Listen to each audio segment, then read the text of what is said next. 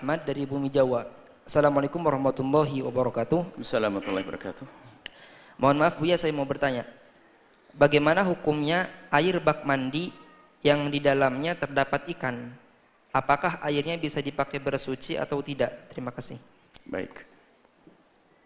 Ada bab najis. Salah satu adalah najis yang pertama. Najis ada tujuh, fikih praktis kita. Yang pertama adalah sesuatu yang keluar dari jalur depan dan belakang. Baik manusia atau binatang. Baik manusia atau binatang. Yang keluar dari jalur depan manusia kencing, najis atau tidak? Jalur belakang, najis atau tidak? Binatang pun sama. Dalam madhab kita Imam Syafi'i radhiyallahu ta'ala Biarpun binatang itu halal dimakan, termasuk kambing. Kotoran kambing najis atau tidak? Madhab kita Imam Syafi'i. Berbeda kalau bicara madhab Malik. Kemudian, kadang mentang-mentang bangkai ikan halal, lupa kalau ikan adalah binatang. Ikan binatang atau tidak? Kalau ada satu piring kotoran ikan, boleh dimakan? Nggak boleh, najis. Maka kotoran ikan adalah najis. Kotoran ikan adalah na, najis. Kotoran ikan adalah najis. Nah, sekarang pertanyaannya, bagaimana jika ada satu wadah ada ikannya? Maka di situ ada pembahasan najis itu akan merusak air. Jadi najis kalau kena air ada dua model.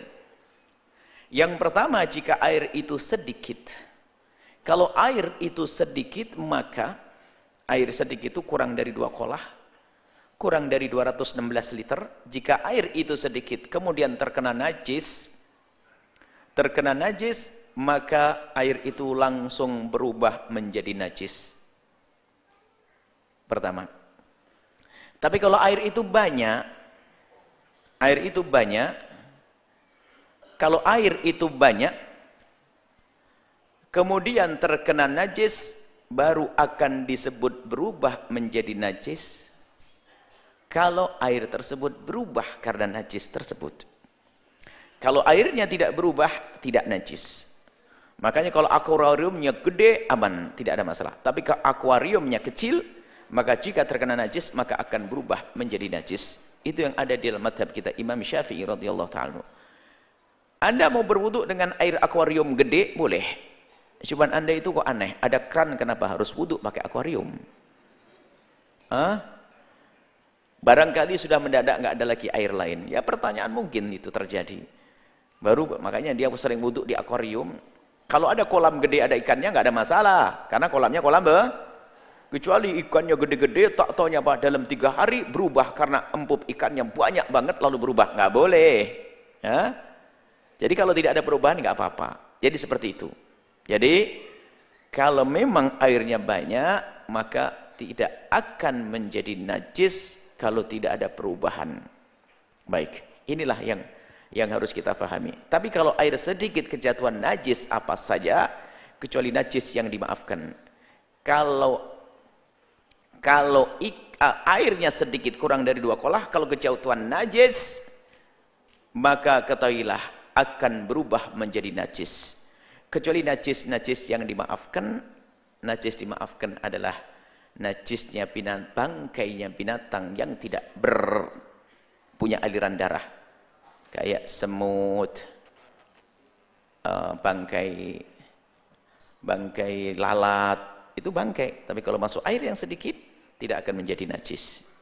Tapi kalau seperti kotoran-kotoran binatang yang besar, bukan binatang-binatang yang punya aliran darah, maka itu adalah najis. Dan termasuk nanti termasuk kotoran daripada nyamuk itu termasuk najis cuma nanti dimaafkan. Kalau ada di baju kotoran nyamuk dimaafkan karena sedikit sekali. Ini adalah nanti ada judulnya bab ma'fuat. Intinya dari yang ditanyakan kalau kolam anda besar ada ikannya nggak apa-apa. Karena rata-rata kalau ikan pun tidak akan mempengaruhi tidak akan merusak kotoran ikan tersebut kepada air yang besar lebih dari dua kolah. Tapi kalau ternyata berubah karena kotoran anda malas tidak pernah anda cuci bertahun-tahun atau yang berubah berubah warnanya karena empuknya ikan maka menjadi najis. Tidak boleh anda berwudu dengan air tersebut. Allahu a'lam bishawab